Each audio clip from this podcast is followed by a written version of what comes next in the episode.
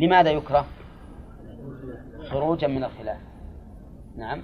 وقد علمت ما في هذا التعليل من علة. طيب يبقى إيه، لماذا لا تسلبه الطهورية؟ يقول لأن هذا الملح المائي أصله أصله الماء. أصله الماء. ولهذا نقول ملح مائي. وعلم من قول المؤلف مائي أنه لو تغير بملح معدني معدني يستخرج من الأرض. لأن فيه معادن فيه أملاح معدنية. مثل معدن الذهب والفضة والحديد وما أشبهها. فإنه يسلبه الطهورية على المذهب ويكون طاهرا غير مطهر. ولكن سيأتي إن شاء الله الكلام على الطاهر المطهر. يقول أو سخن بنجس كره. إذا سخن بنجس الماء سخن بنجس. وتغير. فإنه لا قول أو سخن بنجس هذه معطوفة على إن تغير بغير المال أو سخن بنجس. و... وإن لم يتغير. فإنه يكره. إذا سخن بنجس. وش مثال سخن بنجس؟ إنسان جمع روث حمير وسخن بها الماء فإنه يكره. هذا الماء يكره. أما إذا كان مكشوفا فإن وجه الكراهة في ذلك ظاهر. ليش؟ لأن الدخان يدخل فيه ويؤثر. وأما إذا كان مغطى فإنه يكره. ولو كان محكم الغطاء. لأنه يقول لا يسلم غالبا من صعود أجزاء لطيفة إليه. يمكن في شيء مثل السلس دخل على هذا نعم. فعلى هذا يكون مكروها. ولكن الصواب أنه لا يكره إذا سخن بنجس إذا كان محكما ما يدخل عليه الدخان.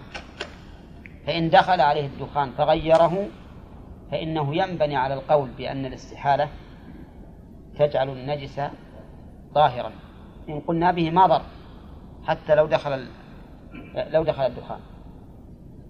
أو سخن بنجس كره هذه علته غير العلة الأولى. العلة إيش؟ لأنه لا يسلم من صعود أجزاء لطيفة إليه والمحكم نادر فلا حكم له. وتعليل آخر لأن هذا الماء سخن بشيء نجس. قال المؤلف وإن تغير بمكث أو بما يشق صون الماء عنه من نابت فيه وورق شجر أو بمجاورة ميتة أو سخن بالشمس أو بطاهر لم يكره. هذه عدة مسائل. إذا تغير بمكثه أي بطول إقامته فإنه لا يضر. وشلون يتغير بمكثه بطول إقامته؟ ويسمى عندنا الصاري. يسمونه عندنا هنا الصاري. ما عاد عند عندكم مثل لغة القصيم ولا لا؟ الصاري بالبياع بالبيع بطول مكثه فهو ما يضر لأنه ما تغير بشيء حادث فيه. أولى ها؟ تغير بنفسه. فهذا لا يضر, لا يضر ولا يكره. كذلك إذا تغير آه، بمكثه أو بما يشق صون الماء عنه من نابت فيه وورق شجر. بما يشق صون الماء عنه من نابت فيه. مثل هذا الغدير نبت فيه عشب. يمكن هذا ولا لا؟ يمكن. أو نبت فيه طحلب تعرفون الطحلب ها؟ على على الماء. أو ورق شجر. كان حوله أشجار فتتساقط أوراقها في هذا الماء فتغير بها. فإنه يكون طاهرا غير مكروه. طهور يكون طهورا غير مكروه. ولو ولو له رائحة. لو له رائحة بدون طعم بل ولو له طعم ولونه. يعني لو تغير لونه وطعمه وريحه بهذه الأوراق هذا يتغير لونه لماذا؟ يقولون لمشقة التحرز منه؟ لمشقة التحرز منه. أولا هل واحد بيمنع أن الأشجار تطير بها الرياح حتى توقعها في هذا المكان؟ ما يقدر أحد. أو هل يقدر أحد أنه يمنع أن يتغير هذا الماء بسبب طول مكثه؟ ما يمكن. ولو أننا قلنا للناس يكون الماء طاهرا غير مطهر لكنا شققنا عليه. فلهذا نقول إذا تغير الماء طعمه ولونه وريحه بما يشق صون الماء عنه ها؟ فهو طهور غير مكروه فهو طهور غير مكروه طيب لو لو تغير بطين واحد مشى في الغدير برجليه كان محبط لين صار الماء متغير جدا في الطين. ها؟ ملوث يكون طاهرا غير مكروه. طهورا نعم يكون طهورا غير مكروه. يكون طهورا غير مكروه لأنه يشق تغير بمكثه. كذلك أيضا تغير بمجاورة ميتة. بمجاورة ميتة. هذا غدير صار عنده ميتات كثيرة. عشرين شاة ماتت من كل الجوانب. وصار له رائحة كريهة جدا بسبب الجياع تغير. يقول المؤلف إنه طهور غير مكروه. طهور غير مكروه. بس في الريح فقط. ما دخلت ما دخلت فيه إذا إذا أخذته بيدك وشميته ولا رائحته خبيثة يقول المؤلف أن هذا يكون طهورا. لماذا؟ عن مجاورة لا عن ممازجة. والغريب أن بعض أهل العلم حكى إجماع أهل العلم على ذلك. أنه لا ينجز بتغيره بمجاورة ميتة. وربما يستدل عليه ببعض ألفاظ الحديث إلا إن تغير طعمه أو لونه أو ريحه بنجاسة تحدث فيه. بنجاسة تحدث فيه. على القول بأن هذا الحديث صحيح. فإن كلمة تحدث فيه هذا ما حدثت فيه. إنما هي مجاورة له. لكن لا شك أن الأولى التنزه عنه إذا أمكن. التنزه عنه إذا أمكن فإذا وجدت ماء لم يتغير فهو أحسن. وأبعد عن أن تتلوث بماء رائحته خبيثة نجسة. وربما يكون فيه من الناحية الطبية ضرر. أن تكون هذه الروائح تحمل ميكروبات تحل في هذا الماء. نعم. سخن بالشمس ما يكره واحد مثلا في الشتاء وضع الماء في الشمس ليسخن. فاغتسل به فلا حرج. أو بطاهر مثل إيش؟ حطب غاز كهرباء فإنه لا يكره نعم الله إن استعمل في طهارة مستحبة. الضمير في قوله إن استعمل يعود على الماء الطهور. استعمل في طهارة مستحبة. والاستعمال أن يمر الماء على العضو ويتساقط منه. وليس الماء المستعمل هو الذي يغترف منه. الماء المستعمل هو الذي يتساقط بعد الغسل فيه. عرفتم؟ ها؟ غسلت وجهك؟ هذا الماء اللي يخرج من الوجه هو الماء المستعمل. غسلت يديك؟ هذا الماء الذي يتساقط من اليدين. هو الماء المستعمل. وأما الماء المأخوذ منه فهذا ليس بمستعمل. وقد يغلط بعض الطلبة ويظن أن الماء المستعمل هو الماء المغترف منه وليس كذلك. بل الماء المستعمل هو الذي يتساقط من الأعضاء بعد استعماله. مفهوم؟ استعمل في طهارة مستحبة كتجديد وضوء. تجديد الوضوء سنة. إذا صلى الإنسان بوضوئه الأول صلاة. ثم دخل وقت الصلاة الأخرى فإنه يسن أن يجدد الوضوء وإن كان على غير طهر وإن كان على طهارة. استعمله في تجديد الوضوء. فهل يكون طاهرا أو طهورا؟ الجواب يكون طهورا. لكنه يكره لكنه يكره. يكون طهورا لأنه لم يرد عليه ما ينقله عن الطهورية ويكون مكروها للخلاف في سلبه الطهورية لأن بعض العلماء يقول إنه إذا استعمل في طهارة ولو مستحبة صار طاهرا غير مطهر فمن أجل هذا الخلاف صار مكروها وقد سبق لنا قبل هذه الليلة أن التعليل بالخلاف عليل وأن الصواب أن يقال في الخلاف. إن كانت الأدلة محتملة فالأولى الاحتياط. لماذا؟ لاحتمال الأدلة فهو من باب دع ما يريبك إلى ما لا يريبك وإن كان الدليل واضحا فلا عبرة بالخلاف. ولا يغير من أجله الحكم. لأنه لأن الأدلة الكتاب والسنة والإجماع والقياس. أما مسألة الخلاف فليس من الأدلة الشرعية. نعم. بالنسبة يعني كتجديد وغسل جمعة غسل الجمعة طهارة مستحبة. وهذا رأي جمهور أهل العلم. وسيأتينا إن شاء الله تعالى أن غسل الجمعة على القول الراجح. واجب. لكن على المشهور من المذهب وقول جمهور أهل العلم أن غسل الجمعة مستحب. فإذا استعمل الماء في غسل الجمعة فإنه يكون طهورا لكنه مكروه. طهور لكنه مكروه. وما هو المستعمل في الغسل؟ هو الذي يتساقط من الجسم بعد الاغتسال. وليس الماء الذي يغترف منه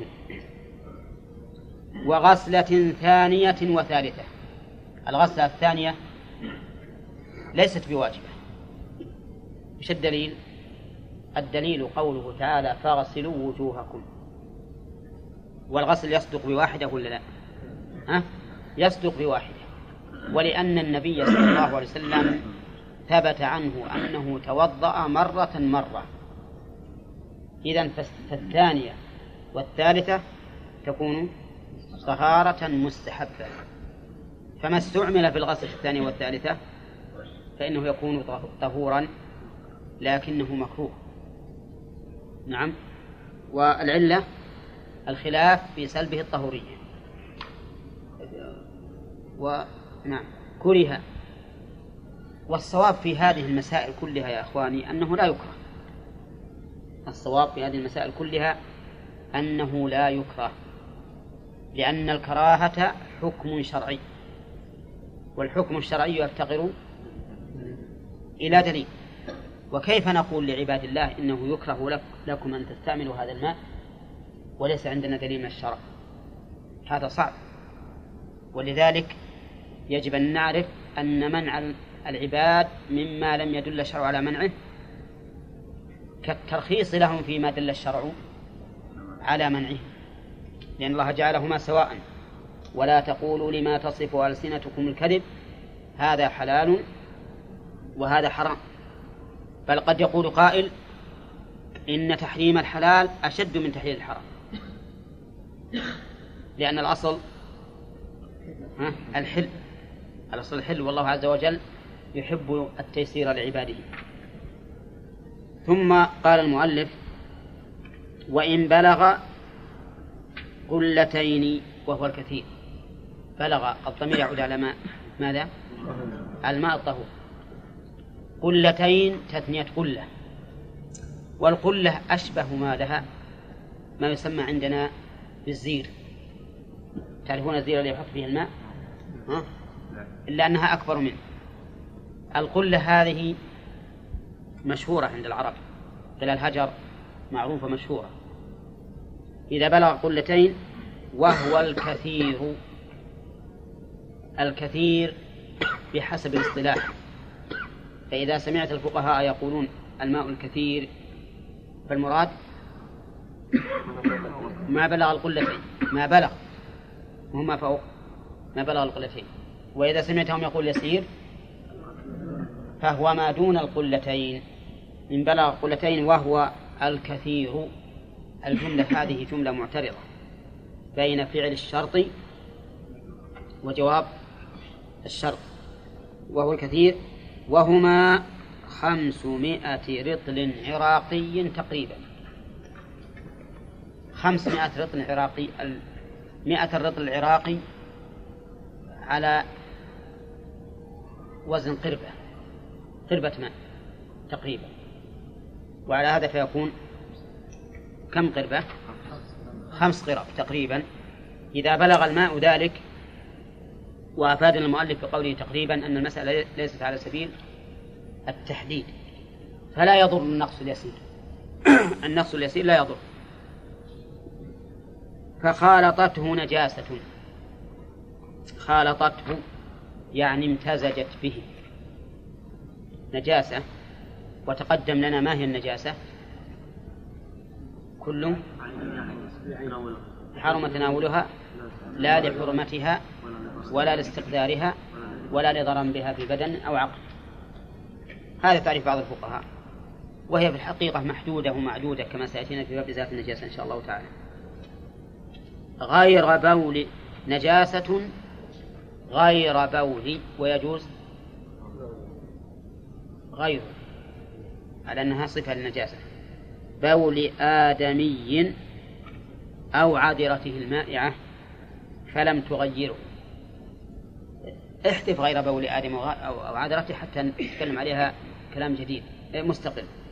فخالطته نجاسة فلم تغيره. فلم تغيره فطهور إذا بلغ الماء قلتين فخالطته نجاسة فلم تغيره فهو طهور. وقوله فلم تغيره وش المراد بتغيره؟ طعمه أو لونه أو ريحه.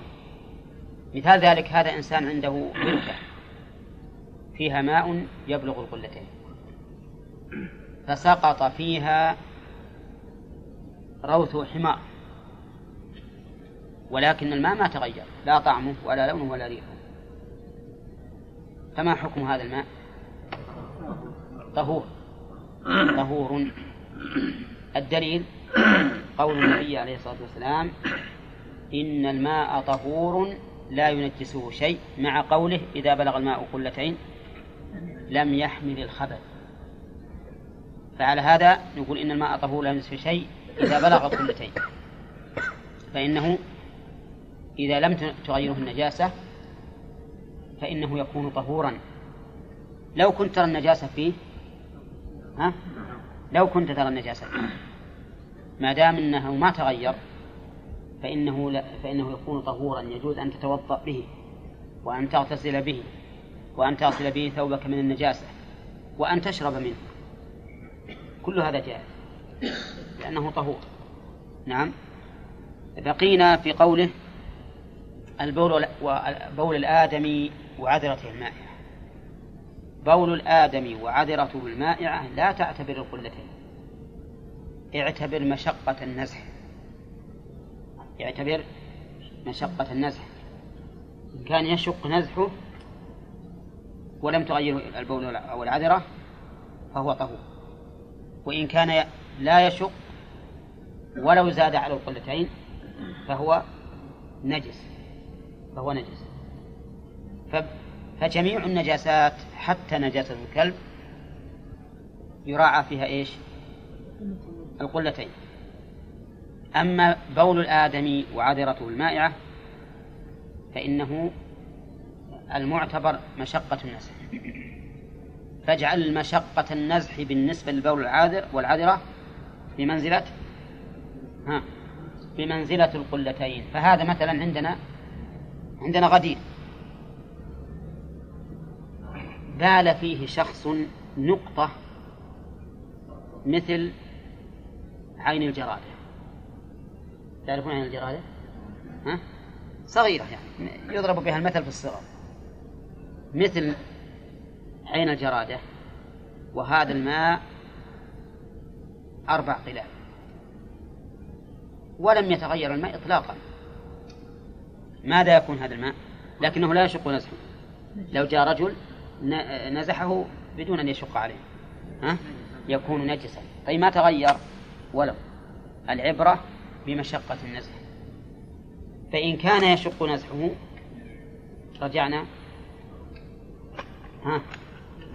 إلى نعم قلنا طهور إذا كان يشق نزحه يكون طهورا.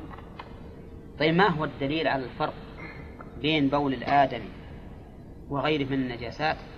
مع أنكم تقولون لو بال كلب في هذا الماء الذي يبلغ قلتين ولم يتغير لو بال الكلب يكون طهور بال كلب في هذا الماء الذي الذي يبلغ أربع قلال ولا يشق نسله بال به كلب ولم يتغير. طهور حصلت عليه نقطة من بول آدم كعين الجراد ولم يتغير. ها؟ نجس. فنجعل بول الآدمي أشد من بول الكلب. وش الدليل؟ يعني هذا يحتاج إلى دليل. يقول الدليل أن الرسول عليه الصلاة والسلام قال لا يبولن أحدكم في الماء الدائم ثم يغتسل فيه أو منه. فنهى عن البول ثم الاغتسال وهذا عام. وهذا عام. ولكنه عفي عما يشق نزحه من أجل من أجل المشقة. هذا هو دليلهم على هذه المسألة. فيقال النبي عليه الصلاة والسلام ما قال إنه ينجس؟ بل نهى أن يقول ثم يغتسل لا لأنه نجس ولكن لأنه ليس من المعقول أن رجلا يجعل هذا مبالا له ثم يرجع ويغتسل منه. هذا كقوله عليه الصلاة والسلام لا يجلد أحدكم امرأته جلد العبد ثم يضاجعها في الليل. هذا تناقض. هذا هذا هو الحكمة في النهي عن البول ثم الاغتسال. وليس المعنى أنه يكون نجسا. والنبي عليه الصلاة والسلام ما تعرض للنجاسة. النجاسة لها باب وهذا له باب آخر. ولهذا الصواب في هذه المسألة الصواب ما عليه المتأخرون من أصحاب الإمام أحمد وهو أنه لا فرق بين بول الآدمي وعذرة الماعية وبين غيرهما الكل سواء إذا بلغ الماء قلتين لم ينجس إلا بالتغير وما دون القلتين ينجس بمجرد الملاقاة عرفتم؟ واختار شيخ الإسلام رحمه الله وجماعة من أهل العلم إلى أنه لا ينجس الماء إلا بالتغير مطلقا. إلا بالتغير مطلقا سواء بلغ قلتين أم لم يبلغ. لكن ما دون القلتين يجب على الإنسان أن يتحرز إذا وقعت فيه النجاسة. لأن الغالب أن ما دونهما يتغير. الغالب أن ما دونهما يتغير فليكن متحرزا. وأما أن نقول بالنجاسة وإن لم يتغير فهذا ليس بصحيح. وما قاله الشيخ هو الصحيح. للأثر والنظر. أما الأثر فلأن النبي عليه الصلاة والسلام يقول إن الماء طهور لا ينجسه شيء. فهو اللي طهر الأشياء فإذا كان هو الذي يطهرها لا تنجسه الأشياء. ولكن يستثنى من ذلك ما تغير بالنجاسة فإنه نجس في الإجماع. نجس بالإجماع وعليه تدل إشارات الكتاب يعني القرآن وأحاديث في السنة وإن كانت ضعيفة. فاهمين؟ الماء طهور لا ينجسه شيء. هذا كلام النبي عليه الصلاة والسلام. وهو صحيح. الحديث هذا صحيح. لكن ظاهر الحديث الماء طهور لا ينجس شيء أنه لا ينجس ولو تغير. أولى. ولكن هذا الظاهر ليس مرادا بإجماع العلماء. فإن العلماء أجمعوا على نجاسة الماء المتغير بالنجاسة. زين هذا ولا لا؟ يصير هذا العموم مخصوص مخصوص بماذا؟ بالإجماع. ثم هناك إشارة من القرآن تدل على ذلك. وكذلك من السنة حديث وإن كان فيها مقال. قال الله تعالى حرمت عليكم الميتة والدم ولحم الخنزير وما أهل لغير به والمنخنقة إلى آخره. وقال قل لا أجد فيما أوحي إلي محرما على طعام يطعمه إلا أن يكون ميتة أو دما مسوحا أو لحم خنزير فإنه رجس. فقوله فإنه رجس معللا للحكم دليل على أنه متى وجدت الرجسية ثبت الحكم ومتى انتفت؟ انتفى الحكم.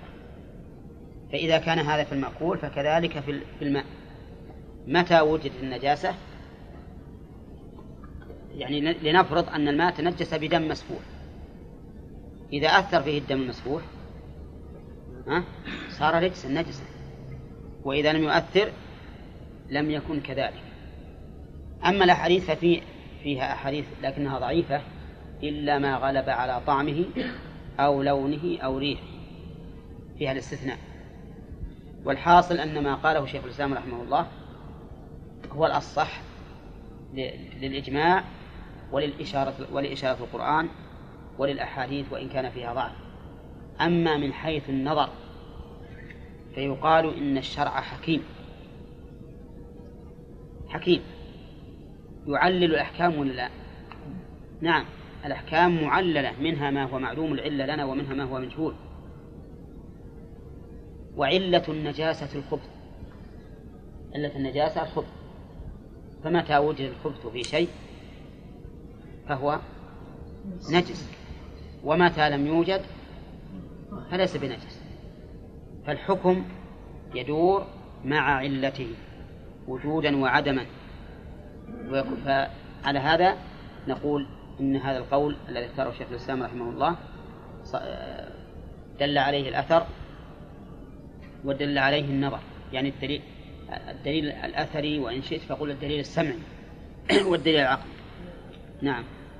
فإنه لا يعارض ذلك لا يعارضه لسببين. السبب الأول أن كثيرا من أهل العلم ضعفه. ومن ضعفه ابن القيم.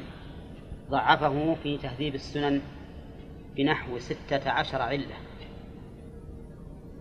وأما إذا قلنا بتحسينه أو تصحيحه فإن نقول تعارض منطوق ومفهوم. وإذا تعارض المنطوق والمفهوم قدم المنطوق. كيف ذلك؟ إذا بلغ الماء قلتين لم ينجس. هذا إيش؟ منطوق. إذا بلغ قلتين لم ينجس. ومعلوم أن هذا الحديث لم ينجس يعني ما لم ما لم يتغير بالإجماع. منطوقه إنه إذا بلغ قلتين لم ينجس يعني إلا بالتغير وهذا ظاهر. هل يوافق هذا المنطوق؟ يوافق أن الماء طهور لا ينجس شيء؟ هذا المنطوق يوافق المنطوق ذاك ولا لا؟ يوافقه. يوافق. إذا توافق في المنطوق.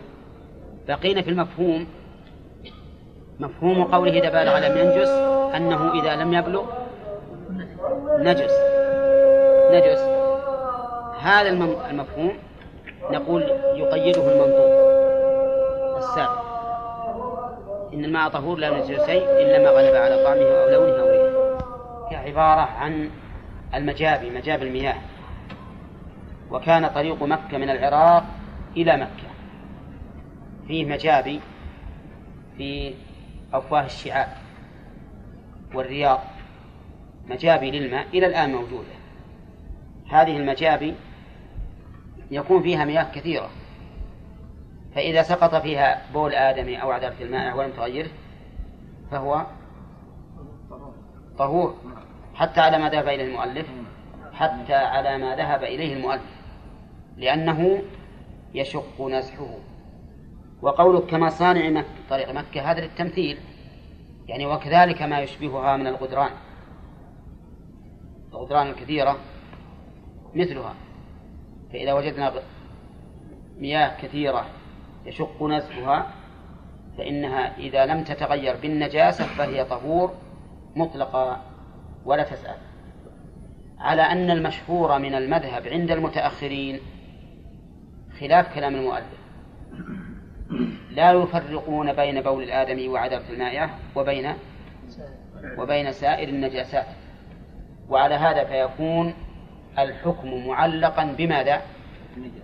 بالقلتين. بالقلتين. ما دونهما ينجس وإن لم يتغير. وما فوقهما وما بلغهما وزاد فلا ينجس إلا بالتغير ولا فرق في ذلك بين بول الآدم وعذرته وبين غيرهما. واضح الآن؟ طيب. فصار عندنا ثلاثة أقوال. القول الصحيح ما هو؟ أنه لا يتغير إلا أن لا نجاسة إلا بالتغير. قليلا كان أم كثيرا. المذهب عند المتأخرين إن بلغ القلتين لم ينجس إلا بالتغير. وما دونهما؟ ينجس وإن لم يتغير. تمام؟ المذهب عند المتقدمين. ما بلغ القلتين لا ينجس إلا بالتغير وما دونهما بمجرد الملاقاة إلا أن يكون بول آدمي أو عذرته المائعة فإن العبرة لا بالقلتين ولكن بمشقة النزح فما شق نزحه لم ينجس إلا بالتغير وما لم يشق فإنه ينجس بمجرد الملاقاة. أظن إن شاء الله الآن انضبط المسألة. طيب. بقينا دليل المذهب على أنه ينجس الماء إذا كان دون القلتين وإن لم يتغير. دليلهم الحديث. إذا بلغ الماء قلتين لم يحمل الخبث وفي لفظ لم ينجس. ودليل من قال إنه لا ينجس إلا بالتغير. قوله عليه الصلاة والسلام لما سئل عن بئر بضاعة وما يلقيه فيها من النتن والجيف قال إن الماء طهور لا ينجسه شيء. وهذا عام. يشمل الماء القليل والكثير. خرج منه ما تغير بالنجاسة بالإجماع وبأحاديث ضعيفة أنه إذا تغير بالنجاسة صار نجسا. نأتي إلى حديث القلتين. حديث القلتين نقول العلماء اختلفوا في تصحيحه. فمن قال إنه ضعيف نعم فلا معارضة بينه وبين الحديث الآخر. لأنه لا يقاومه حيث كان ضعيفا والضعيف لا تقوم به الحجة. وإذا صححناه يقولون إن له منطوقا ومفهوما. فمنطوقه إذا بلغ الماء قلتين لم ينجس أو لم يحمل الخبث وليس هذا أيضا على عمومه لأنه يستثنى منه إذا تغير. فليس على عمومه حتى منطوقه ليس على عمومه. مفهومها أن ما دون القلتين ينجس. ينجس فيقال ينجس إذا تغير بالنجاسة لأن منطوق الأول مقدم على المفهوم. مقدم على المفهوم. و وهذا أصح. ويؤيده مع تأييد الأدلة الأثرية. يؤيد تؤيده الأدلة النظرية. وذلك لأن الخبث عين قبيحة. النجسات كلها عين قبيحة. فإن وجد لها أثر في الماء صار حكم الماء حكمها. وإن لم يوجد لها أثر ارتفع المحذور. ارتفع المحذور. فما الذي يجعلنا ننقل هذا الماء الطهور إلى وصف الخبث والنجاسة بدون أي سبب إلا لمجرد الملاقاة؟ نعم.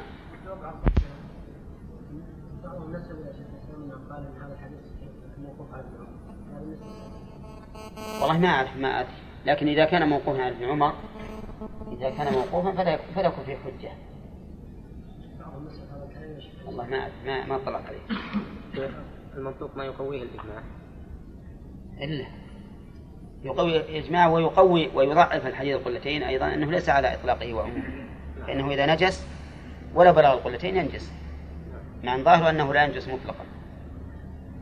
المهم إن عندنا يعني لو فرضنا تكافؤ الأدلة الأثرية فعندنا الدليل العقلي النظري وهو أن هذه العين النجسة الخبيثة إذا لم تؤثر شيئا فلا فلا أثر لها.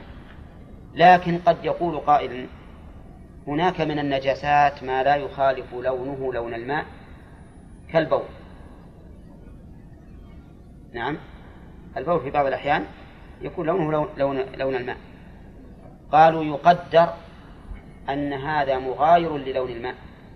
فإذا قدر أنه لو كان مغايرا لغير حكمنا بنجاسته. على أن الغالب أنه كله رائحة يشمها الإنسان إذا كان قوي حاسة الشم طعم يتغير. والطعم نعم. قليل جدا يعني هذه النجاسة. قال المؤلف ولا يرفع حدث رجل طهور يسير خلت به امرأة لطهارة كاملة عن حدث. انتبه هذا هذه الجملة داخلة في قسم الطهور. إلى الآن نحن في قسم الطهور. إلى الآن نحن في قسم الطهور والطهور له, له أقسام. نحصرها إن شاء الله تعالى إذا انتهى. هذا القسم منه هو طهور لكنه لا يرفع حدث جنس من الناس. أولا قال لا يرفع حدث رجل حدث. انتبه هذا قيد ثاني رجل قيد آخر. طهور يسير قيد ثالث. خلت به قيد رابع امرأة قيد خامس. لطهارة كاملة هذا قيد سادس. عن حدث هذا قيد سابع. إذا تمت القيود السبعة ثبت هذا الحكم. يعني لا يرتفع الحدث. مثال ذلك هذه امرأة عندها قدر من الماء. قدر يسع قلة ونصفا. ويسير بالاصطلاح ولا كثير؟ يسير. يسع قلة ونصفا خلت به في الحمام فتوضأت منه وضوءا كاملا ثم خرجت. فجاء الرجل بعدها ليتوضأ به. نقول لا يرفع حدثا طيب الماء نجس؟ طهور. الماء طهور لكن لا يرفع حدث الرجل. لا يرفع حدث الرجل. الدليل قول النبي صلى الله عليه وسلم لا يتوضأ الرجل بفضل المرأة ولا المرأة بفضل الرجل. لا يتوضأ الرجل بفضل المرأة ولا المرأة بفضل الرجل. هذا الدليل. قالوا فنهى النبي عليه الصلاة والسلام عن الوضوء به. والوضوء يقتضي والنهي يقتضي الفساد. فإذا توضأ فقد فعل عبادة على وجه منهي عنه فلا تكون صحيحة. فلا تكون صحيحة. عرفتم الآن؟ هذا هو الدليل. لكن من غرائب العلم أنهم استدلوا به على أن الرجل لا يتوضأ بفعل المرأة ولم يستدلوا به على أن المرأة لا تتوضأ بفضل الرجل. وقالوا إنه يجوز أن تتوضأ المرأة بفضل الرجل. نعم. وهذا من الغرائب ما دام الدليل واحدا والحكم واحد ومقسم تقسيم. لا يتوضأ الرجل بفضل المرأة ولا المرأة بفضل الرجل. فما بالنا نأخذ بقسم ولا نأخذ بالقسم الثاني. مع العلم بأن القسم الأول قد ورد في السنة ما يدل على جوازه وهو أن النبي صلى الله عليه وسلم تطهر من فضل ميمونة. ولم يرد في الطرف في القسم الثاني ما يدل على الجواز وهو أن المرأة تتوضأ بفضل الرجل. نعم وهذه أيضا غريبة ثانية أن القسم الذي وردت السنة بجوازه هو الذي يمنع والقسم الذي لم ترد به السنة هو الذي لا يمنع. نعم. ولكن هذا مما يدلك على أن الإنسان مهما بلغ من العلم فإنه ضعيف. مهما بلغ. نعم. نرجع إلى حكم المسألة على المذهب الآن. فهمنا الآن أن المرأة إذا خلت بماء طهور يسير وتوضأت منه أو اغتسلت منه فإن الرجل لا يتوضأ به ولا يغتسل به والدليل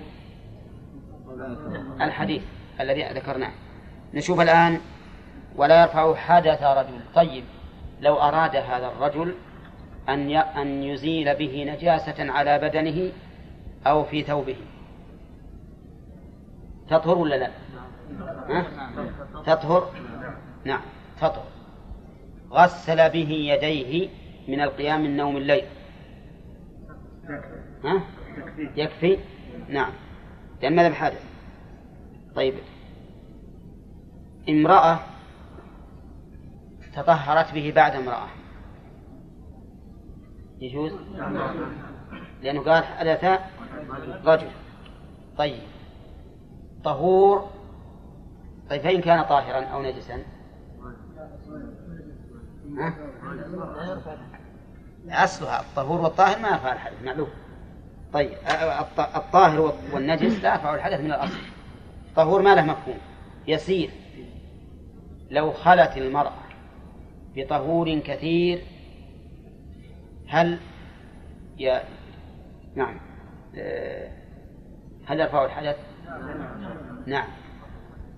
بطهور من أين ومن أين أخذنا هذا القيد والحديث عام؟ إيه أخذناه من قول يسير لكن من أين أخذناه؟ من حيث الدليل. وش الحديث الآخر؟ نعم. ولأن في بعض ألفاظ حديث ميمونة في جفنة. جفنة. والجفنة يسيرة. نعم. طيب خلت به امرأة. خلت به امرأة. الخلوة هنا هل المعنى انفردت بالوضوء منه أو الغسل أو المعنى خلت به عن مشاهدة أحد. المذهب خلت به عن مشاهدة أحد بحيث لم يشاهدها مميز فأعلم فإن كان عندها طفل الصغير اللي ما يميز ما يضر لكن إذا شاهدها مميز فإنها تزول الخلوة ويرفع حدث الرجل يرفع حدث الرجل. طيب من أين أخذنا هذا في الحديث؟ في الحديث؟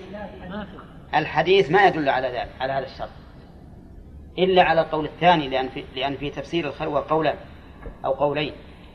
المذهب أنها تخلو عن مشاهدة مميز. والقول الثاني تخلو به أي تنفرد به بمعنى تتوضأ به. يقول ما توضأ أحد غيره. فرق ظاهر. على المذهب لو لو لو كانت عندها ابنتها أو ابنها وله سبع سنين فإنه يجوز للرجل أن يتوضأ به ويرفع حدثه به. وعلى القول الثاني إذا صار المراد خلت به يعني انفردت بالتطهر به فيقال هي الآن؟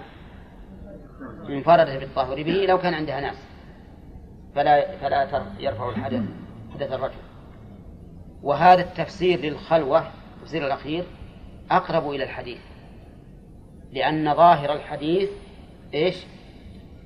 العموم. ظاهر الحديث العموم. ما اشترط النبي عليه الصلاة والسلام تخلو به. نعم. وقوله لطهارة كاملة طهارة كاملة. لو خلت به في أثناء الطهارة في أولها أو في آخرها. بأن شهدها أحد في أول الطهارة ثم راح أو قبل أن تكمل طهارتها حضر أحد. ها؟ يجوز؟ نعم يرفع حدثه ها؟ لأنه لم تخلو به بطهارة كاملة. الثالث عن حدث. يعني هي تطهرت عن حدث. بخلاف ما لو تطهرت تجديدا للوضوء. تطهرت تجديدا للوضوء. فإن أو اغتسلت به وهو مستحاضة في كل صلاة فإنه يرفع حدث الرجل ولا لا؟ يرفع حدث الرجل لأنه مو عن حدث. وكذلك لو خلت به لتغسل ثوبها من نجاسة أو لتستنجي فإنه يرفع حدث الرجل لأنها ما ما خلت به لطهارة عن حدث. هذا هو حكم المسألة على المذهب. والصحيح أنها أن النهي في الحديث ليس على سبيل التحريم وإنما هو على سبيل الأولوية وكراهة التنزيه. والدليل على ذلك أنه ثبت في صحيح مسلم من حديث ابن عباس رضي الله عنهما أن النبي صلى الله عليه وسلم تطهر اغتسل بفضل ميمونة. نعم. وفي وفي حديث آخر أن أن بعض أزواج النبي صلى الله عليه وسلم اغتسلت في في جفنة فجاء النبي صلى الله عليه وسلم.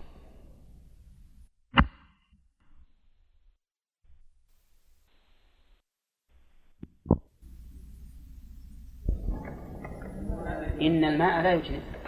يعني إذا اغتسلت من جنابة فإن الماء ليس له ما في جنابة فهو باق على طهوريته. فالصواب إذن أن الإنسان لو تطهر بما خلت به المرأة فإن طهارته صحيحة ويرتفع به الحدث.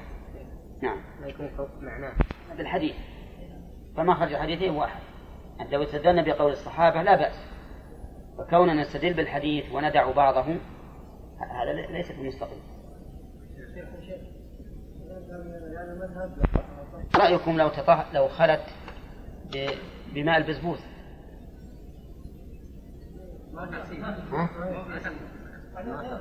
غير غير غير متجدد. طيب نعم. ليس فضله. وليس موجودا أصلا. حتى لو قلنا إنه في الخزان الخزان ما يمكن يرجع الملك. نعم. يقولون إن هذا تعبدي. تعبدي يعني من الأمور التي لا نعلم علتها فنحن نأخذ به على سبيل التعبد فقط. طيب يعني هي إذا اختلت للاستنجاء مثلا فهل يجوز أن يتوضأ بفضل الماء؟ نعم. أما إن توضأت فلا. إي نعم. إي هو هو خلوها الاستنجاء قد يكون أقرب إلى تنجيد. نعم. لكن مع ذلك يقول لا يضر المهم على كل حال بارك الله فيكم. نحن الآن نقرر كلامهم رحمهم الله ونبينه ضعيف. والقول الضعيف كلما رددته. يزداد ضعف نعم. الاستدلال كيف؟ وجه استدلال المذهب.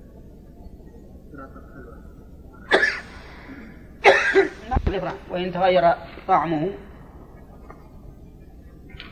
وإن تغير طعمه. أو ريحه. أو لونه انتقل المؤلف الآن إلى الطاهر. الطاهر غير المطهر. فننظر الآن قلنا وعدنا بأننا سنقسم الطهور. الطهور قسمه المؤلف إلى طهور مكروه وطهور غير مكروه وطهور لا يرفع حدث الرجل. أولى الطهور غير المكروه. هو الذي قال فيه المؤلف رحمه الله الطهور المكروه بدأ به المؤلف قبل كل شيء. إن تغير بغير مماثل كقطاع كافور أو دهن أو بملح مائي أو سخر بنجس كره. هذا واحد. ثم قال وإن تغير بمكته أو بما يشق ثنان عنه من نابت فيه وورق الشجر أو بمجاورة ميتة أو سخن بالشمس أو بطاهر لم يكره. هذا الطهور غير مكروه. وإن استعمل في طهارة مستحبة كره. هذا ينبغي أن يجعل مع القسم الأول. ينبغي أن يجعل مع القسم الأول. فيكون المكروه ما تغير بغير مماثل أو بملح مائي. أو سخن بنجس. و أو استعمل في طهارة مستحبة. أربعة أشياء. الطهور المكروه صار أربعة أشياء. أولى أربعة أشياء عيسى. إذا تغير بغير ممازج أو بملح مائي أو سخن بنجس. كم ذولي؟ ثلاثة. وإن استعمل في طهارة مستحبة كره. هذه أربعة. يكون المكروه من أقسام الطهور أربعة أشياء. طيب. الطهور غير المكروه. الطهور غير المكروه هو ما تغير بمكته أو بما يشق صون الماء عنه أو بمجاورة ميتة أو سخن بالشمس أو بطاهر. كم هذه؟ خمسة أشياء. والأصل الكراهة ولا عدمها؟ الأصل عدم الكراهة. القسم الثالث ما هو ما كان طهورا باقيا على على طهوريته لكنه لا يرفع حدث الرجل وهو ما جمع الشروط السبعة التي ذكرناها. نعم؟ أو ستة. انتهى الكلام على الطهور. ثم قال وإن تغير طعمه أو ريحه أو لونه تغير تغيرا كاملا. بحيث لا تذوق معه طعم الماء. أو تغير أكثره أكثر أوصافه. هذه الثلاثة بطبخ يعني طبخ فيه شيء طاهر. طبخنا في هذا الماء شيء طاهر. مثل طبخنا فيه لحمة. وتغير طعمه أو لونه أو ريحه. تغيرا كثيرا بينا. فإنه يكون طاهرا غير مطهر. يكون طاهرا غير مطهر. هذه واحدة أو أو بساقط فيه. بساقط فيه. يعني ما طبخت فيه شيء لكن سقط فيه شيء فإنه يكون طاهرا غير مطهر. يكون طاهرا غير مطهر. لكن يستثنى من هذه المسألة شيء مما سبق. ما هو؟ ما يشق صون الماء عنه وما لا يمازجه. و نعم. وإذا كان تغيره بممره أو مقره. نعم. إذا تغير بطول مكث هذا ما وإن كان تغير تغيرا كثيرا فإنه لا يكون طاهرا بل هو طهور كما سبق. إنما كلامنا على الذي يستثنى من الساقط فيه. يستثنى من الساقط فيه شيئان وهما ما يشق صون الماء عنه والثاني ما ليس بممازج. فلو وضعت قطع كافور في ماء طهور وتغير ما تقولون فيه؟ فهو طهور. ولو كان هذا الماء حوله أشجار. فتساقطت أوراقها فيه فتغير. فهو طهور. تمام؟ إذا يستثنى ما لا يمازج وما يشق صون الماء عنه. فإنه وإن تغير به يكون طاهرا غير مطهر. وهذا مما سيدلنا إن شاء الله تعالى على ضعف هذا القول. لأنه مثلا يقولون ورق الشجر إذا كان مما يشق صون الماء عنه وسقط في الماء وتغير ها. طهور. وإن أنا أتيت بأوراق شجر ووضعتها وتغير الماء صار طاهر غير مطهر. ومعلوم أن ما كان أن ما انتقل حكمه لتغيره فإنه لا فرق بين الذي يشق والذي لا يشق. أرأيت لو أن ماء حول مربط حمير وبدأ الهواء يأتي به يحمل من هذه الأرواث ويضعها في الماء. يشق الماء عنه ينجس ولا ما ينجس؟ لا ينجس ينجس حتى المذهب. لا متغير. أو قليل ولكن ولم يتغير. يا إخواننا الآن الذي يفرق فيه بين ما بين ما يشق صون ما عنه وما لا يشق إنما هو في قسم الطاهر. أما النجس فلا فرق. إذا تغير بنجاسة ولو كان يشق صونها صون الماء عنها فإنه يكون نجسا مرة ثانية. هذا رجل رجل آخر أتى بورق أشجار ووضعها في الماء. وتغير يكون طاهرا غير مطهر. تمام؟ زين. مثال آخر. رجل آخر عنده بركة صغيرة ما تجي قلتين حولها مربط حمير. والهوى يحمل من هذا الروث ويلقيه في هذا الماء وتغير. نجس. نجس. وإن لم يتغير. خلوه قلتين فأكثر وتغير. نجس. نجس. لو شق صرنا الماء عنه لو شق. بعاذره كبه في الماء. وتغير به. نجس. زين. شوف الآن التغير. لا فرق فيه بين كون الشيء مقصودا أو غير مقصود. ينتقل به الماء من الطهورية إلى النجاسة أو إلى أن يكون طاهرا غير مطهر ومع ذلك الفقهاء يفرقون في في مسألة الطاهر المطهر بين ما يشق صون الماء عنه وما لا يشق. ولو كان تغير الماء بالطاهر ينقله من الطهورية إلى الطاهرية لو كان كذلك لم يكن هناك فرق بين ما يشق صونه عنه وما لا يشق. كما قلنا فيما إذا انتقل الماء من الطهورية إلى النجاسة لا فرق بين ما يشق صونه عنه وما لا يشق. ما دام أن العلة تغير الماء فلا فرق بين أن يكون مما يشق صونه عنه وما لا يشق. فكونهم يفرقون يدل على ضعف هذا القول. نعم. طيب أو بساقنا فيه؟ وش يقول المؤلف؟ أو رفع بقليله حدث. رفع بقليله حدث. طيب نشوف ما دليل المذهب على أن هذا طاهر المطهر يقولون لأنه ليس بماء مطلق. هذه العلة. لأنه ليس بماء مطلق. ما في دليل لكن يقول لأنه ليس بماء مطلق. نعم؟ ليس بماء مطلق وإنما يقال ماء كذا ماء كذا فيضاف كما يقال ماء ورد وماء ريحان. وما أشبه ذلك. نعم. ولكننا نقول إن هذا لا يكفي في لا يكفي في نقله من الطهورية إلى الطهارة. اللهم إلا أن ينتقل اسمه انتقالا كاملا. فيقال مثل هذا مرق وهذا شاهي وهذا قهوة. فحينئذ ما يسمى ماء وإنما يسمى شرابا يضاف إلى إلى ما تغير به. وأما أنه يبقى على اسم الماء لكنه متغير لونه أو طعمه أو ريحه في هذا الطاهر كما لو تغير بأوراق.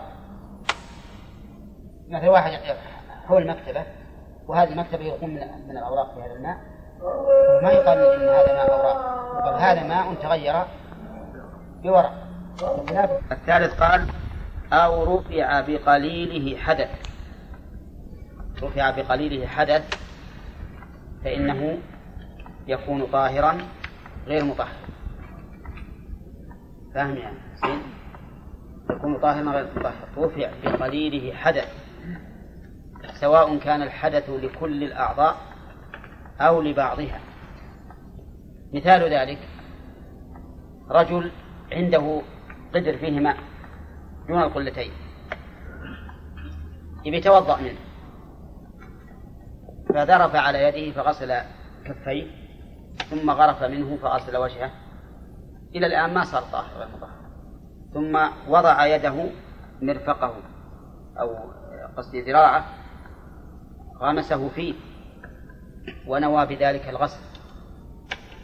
فنزع يده. الآن ارتفع الحدث عن اليد.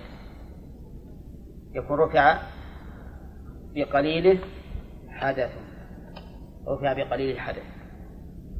أو عنده ماء دون القلتين وكان عليه جنابة فنوى وانغمس في هذا الماء ناويا رفع الجنابة وخرج.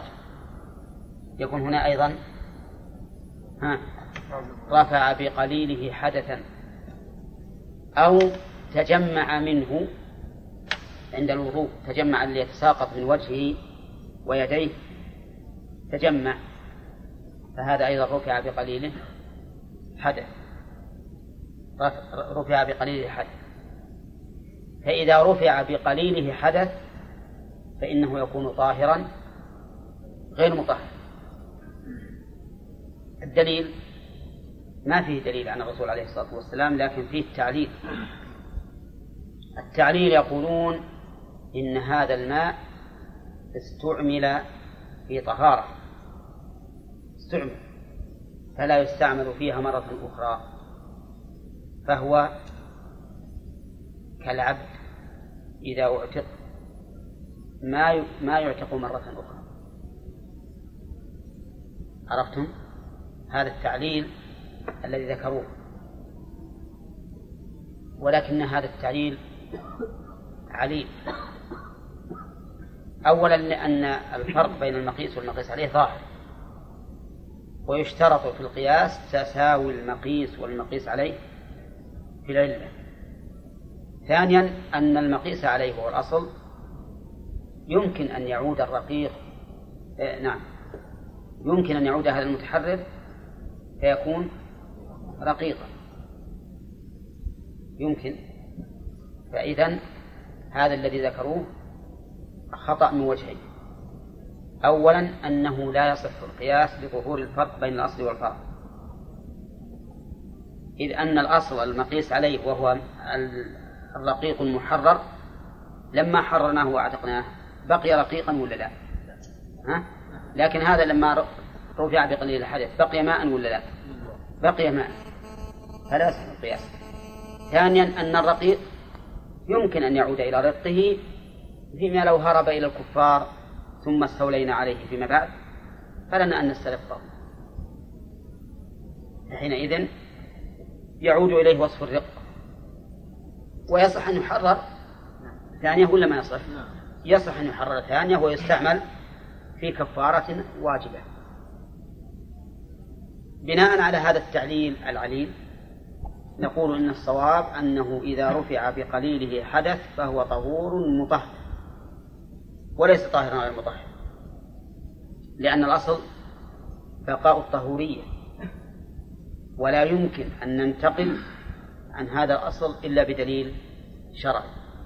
إلا بدليل شرعي يكون وجيها. ولما كان هذا هذا غير وجيه سيأتي إن شاء الله بعد بعد المسألة الثانية. نعم.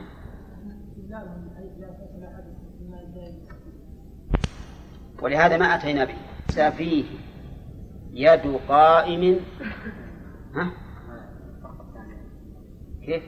الثاني ليس قياس اي ليس لعدم تساوي الأصل والفرع والثاني إن الأصل يمكن أن يعود رقيقا فيحرر مرة ثانية. فيستعمل في طهارة في, في شيء واجب. قال أو غمس فيه يد قائم من نوم ليل ناقض لوضوء غمس فيه الضمير يعود على الماء القليل فيه أي في الماء القليل. يد قائم. يد إذا أطلقت اليد فالمراد إلى الكف. الكف يعني إلى الرسغ هذه يد. فيشمل كل اليد ولا بعضها؟ كل اليد. كل اليد. يعني معناه إذا غمس فيه الكف الكف كله. يد قائم من نوم. ذكر بالشرح شروط يد مسلم مكلف قائم من نوم من نوم ليل. ناقض لوضوء والناقض للوضوء سيأتي إن شاء الله تعالى أنه النوم الكثير. الكثير مطلقا. أو اليسير من غير القائم والقاعد و والقاعد كما سيأتينا إن شاء الله تعالى في نواقض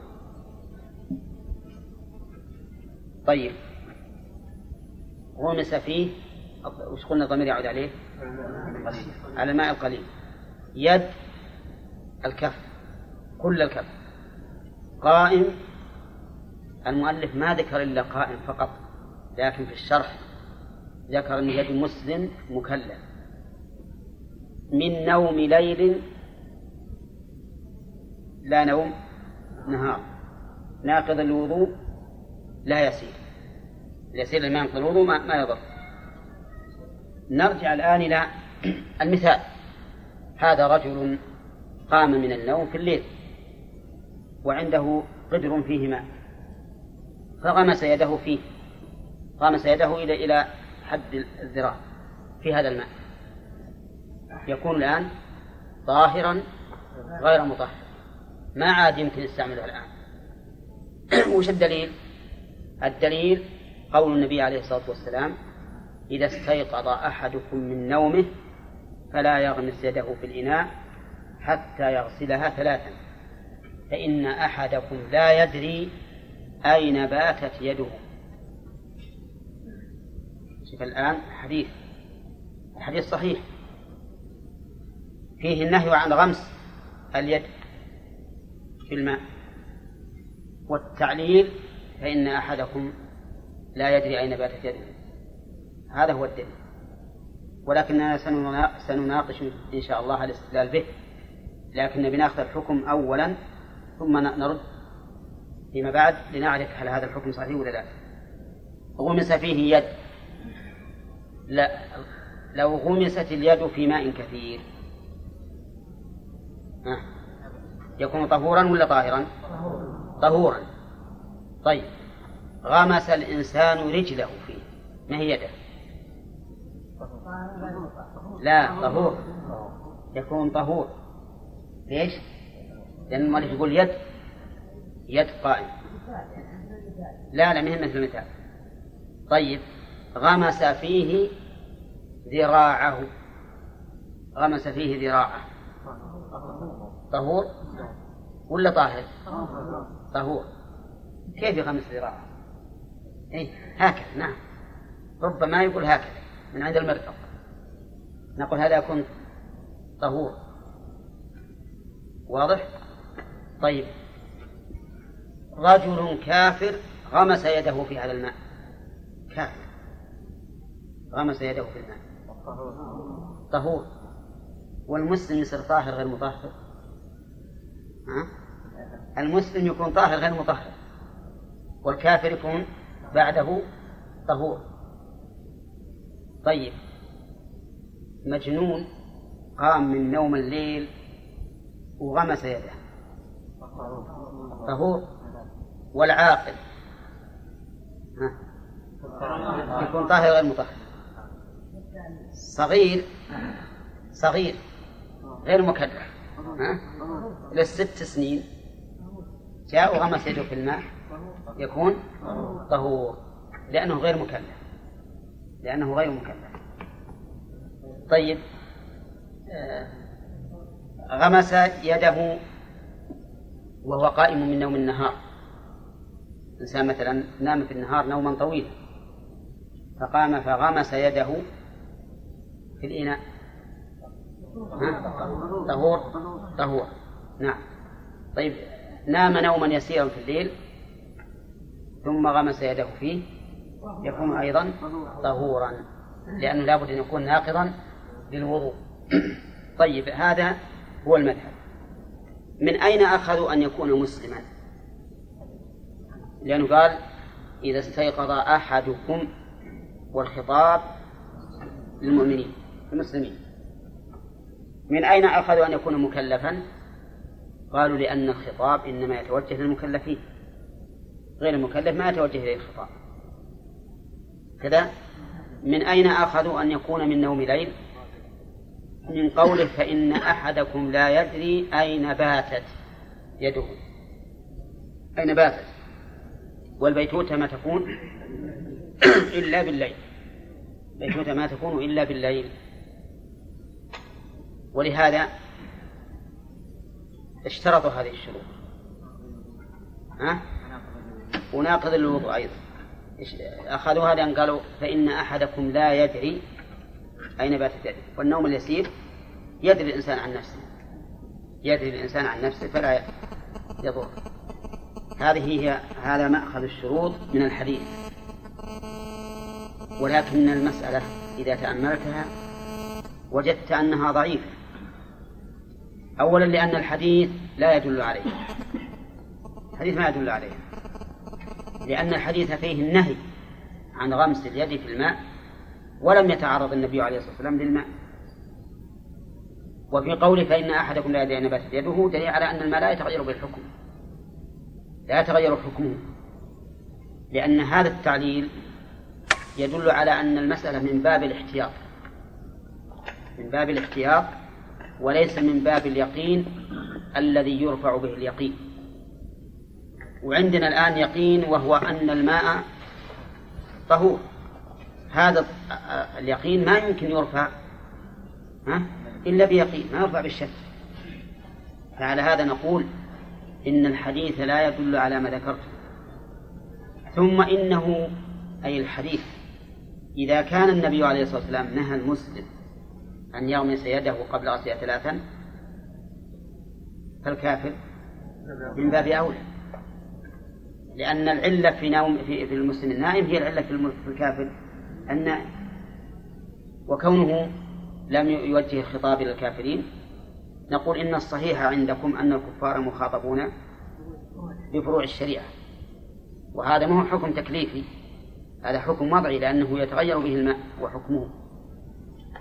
ثم نقول المميز يخاطب بمثل هذا وإن كان لا يعاقب. فكيف إذا جاء مميز يمكن تكون يده ملوثة بالنجاسة ويمكن ما يستنجي ويمس فرجه وهو نائم إذا غمس يده في الماء فهو ما يضر والمكلف الحافظ نفسه هو الذي يضر. فتبين أن هذا القول ضعيف أثرا ونظرا. أما أما أثرا فلأن الحديث لا يدل عليه بوجه من الوجوه. وأما نظرا فلأن هذه الشروط التي ذكروها تخلفها في بعض المسائل يكون انتقال الماء من الطهورية إلى الطهارة إن قلنا به أولى مما ذكروه من الشروط كيد الكافر ويد الصغير الذي لم يميز. إذا ما هو القول الراجح في هذه المسألة؟ لو أن الإنسان غمس يده في الإناء قبل أن يغسلها. الصحيح أنه يبقى طهورا طهورا لكن يقال للمرء أخطأت وما أصبت. لماذا؟ لمخالفة أمر النبي صلى الله عليه وسلم. لمخالفة أمره. فإذا قال قائل ما هي الحكمة في أنه لا يجوز؟ نقول الحكمة عللها النبي عليه الصلاة والسلام بقوله فإن أحدكم لا يدري أين باتت يده. فإذا قال إذا وضعت يدي في جراب في جراب أعرف أنها ما مست شيئا من بدني نجس ثم إنني قد نمت وأنا على استنجاء شرعي. ما ما في بدني شيء نجس. ولنفرض أنها مست الذكر أو الدبر هل تنجس؟ ما تنجس. فإذا أنا أدري أين باتت يدي. باتت يدي معي في فراشي وباتت مستورة بجراب وأيضا بدني طاهر. فكيف يصح هذا التعليم؟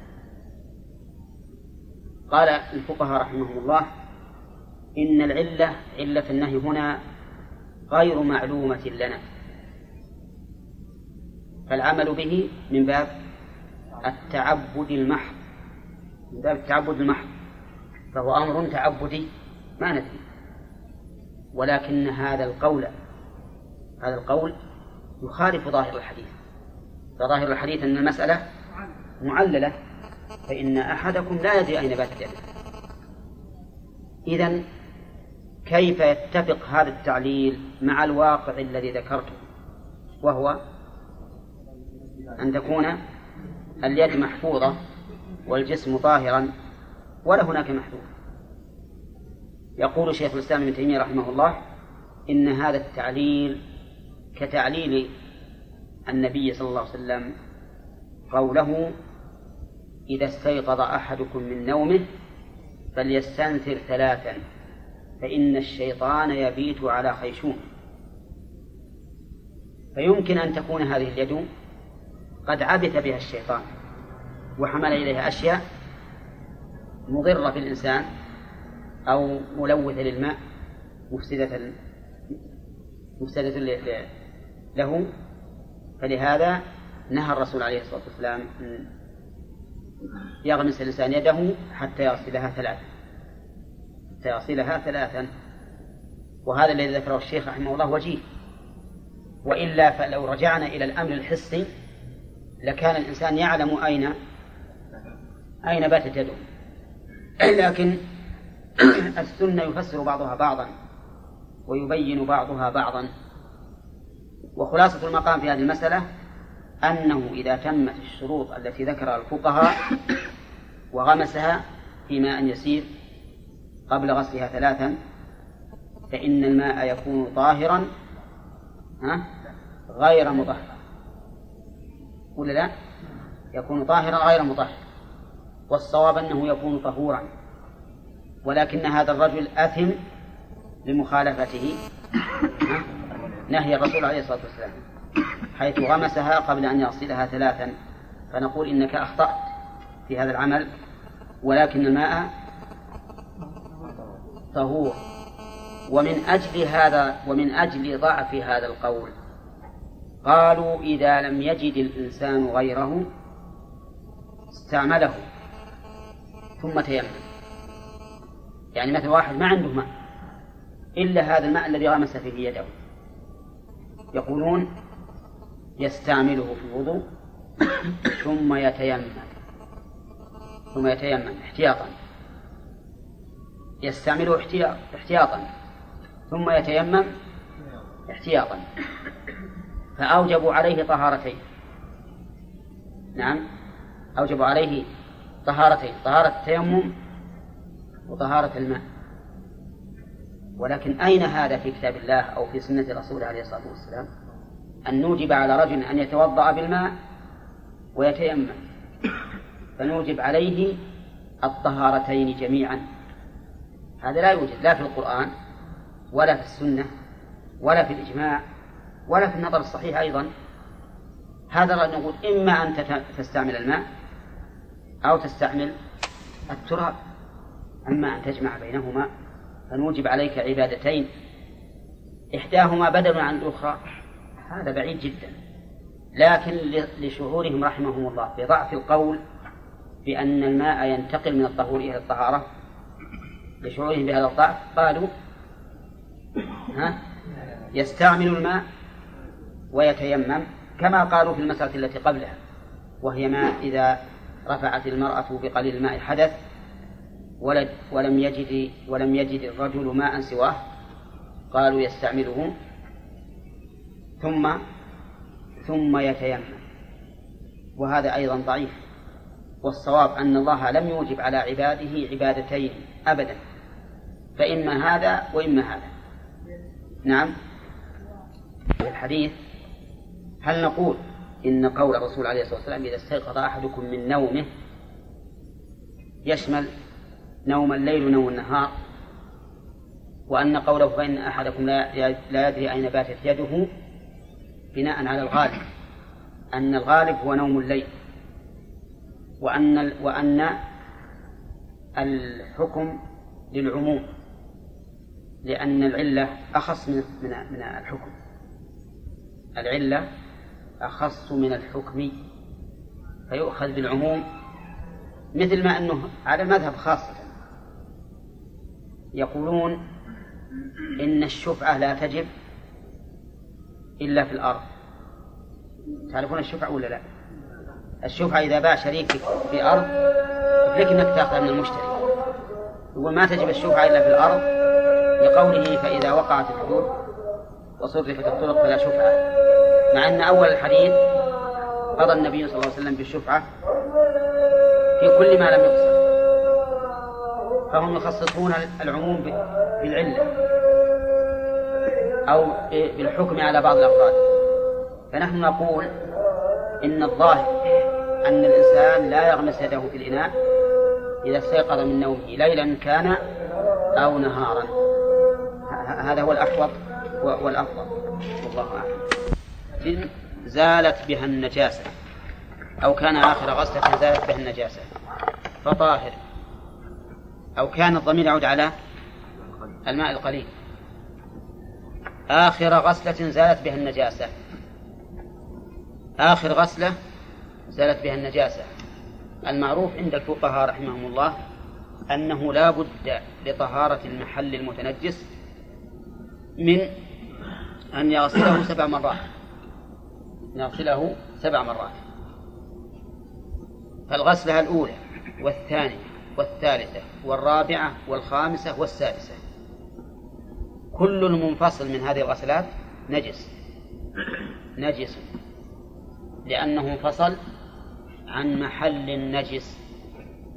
بل كل المنفصل قبل السابعة كله نجس. العلة أنه انفصل عن محل النجس لأنه ما يطهر إلا بسبع غسلات. مثل إنسان يغسل ثوبه من نجاسة. الذي يسرب من الغسلة الأولى والثانية والثالثة والرابعة والخامسة والسادسة. نجس. لماذا؟ لأنه انفصل عن محل النجس وهو يسير. فيكون قد لاقى النجاسة وهو يسير وما لاقى النجاسة وهو يسير فإنه ينجس بمجرد الملاقاة. طيب إذا انفصل في السابعة وقد زالت النجاسة. عين النجاسة من موجودة. السابعة يقولون يكون طاهرا غير مطهر لأنه آخر غسلة زالت بها النجاسة. فيكون طاهرا غير مطهر. الثامنة طهور الثامنة طهور لأنها لم تؤثر شيئا. ما أثرت شيئا. لكن السابعة كان طاهرا غير مطهر. يقول لأنه أثر شيئا وانفصل عن محل طاهر. ماذا أثر؟ ها؟ أثر طهارة المحل. لأنه ما يطهر إلا بالسابعة. هو أثر حكما. وهو طهارة المحل وانفصل عن محل طاهر. فعلى هذا لا يكون طهورا لأنه حصل به إزالة نجاسة ولا يكون طاهرا غير مطهر و... و... ولا يكون نجسا لأنه انفصل عن محل طاهر. واضح التعليل؟ طيب. هذا فصار المنفصل من من التطهير المنفصل من التطهير أو من محل التطهير إن كان قبل السابعة؟ طيب. إن كان السابعة فطهر المطهر. إن كانت الثامنة فطهور. هذا إذا كانت عين النجاسة قد زالت. أما لو فرض أن النجاسة ما يابسة ما زالت في السبع غسلات فمن فصل قبل زوال عين النجاسة فهو نجس لأنه لاقى النجاسة وهو يسير ولهذا يقول أو كان آخر غسلة زالت بها النجاسة. فإن لم تزل فهو نجس. لم تزل فهو نجس. زالت بها النجاسة فطاهر. قوله فطاهر هذا جواب قوله وإن تغير. وإن تغير طعمه أو لونه أو ريحه إلى آخره. فعلمنا أن الطاهر الآن أنواع. ما تغير طعمه بطاهر أو لونه أو ريحه. ثاني ما طبخ فيه شيء طاهر. أو نقول هذا من من, من الأول. من الأول. طيب. الثاني ما رفع به حدث وهو قليل. الثالث ما غمس فيه يد قائم من نوم الليل ناقض الوضوء بالشروط الرابع ما أزيلت به نجاسة وانفصل عن محل طهر. لقوله أو كان آخر غسلة زالت بها النجاسة فطاهر هذا هو الطاهر. على قول من يقول إن المياه تنقسم إلى ثلاثة أقسام. وهذا هو المشهور من مذهب الحنابلة رحمهم الله. والصحيح أن هذا القسم برأسه ليس ليس بموجود ولا يوجد ولا يوجد له أصل في الشريعة. وأن الماء إما طهور وإما نجس وهذا اختيار شيخ الإسلام ابن تيمية. وذلك وجه الدلالة الدليل على هذا عدم الدليل. الدليل على هذا عدم الدليل. كيف الدليل عدم الدليل؟ يقول لو كان هذا أعني القسم الطاهر لو كان هذا ثابتا في الشرع لكان أمرا معلوما مفهوما تأتي به الأحاديث بينة واضحة لأنه ليس بالأمر الهين إذ أنه يترتب عليه أن يصلي الإنسان إما بتيمم وإما بماء افرض مثلا إن عندي شيء تغير بساقط فيه ماء تغير بساقط فيه لكن باقي على اسم الماء فأنا على هذا المذهب أتيمم ولا لا؟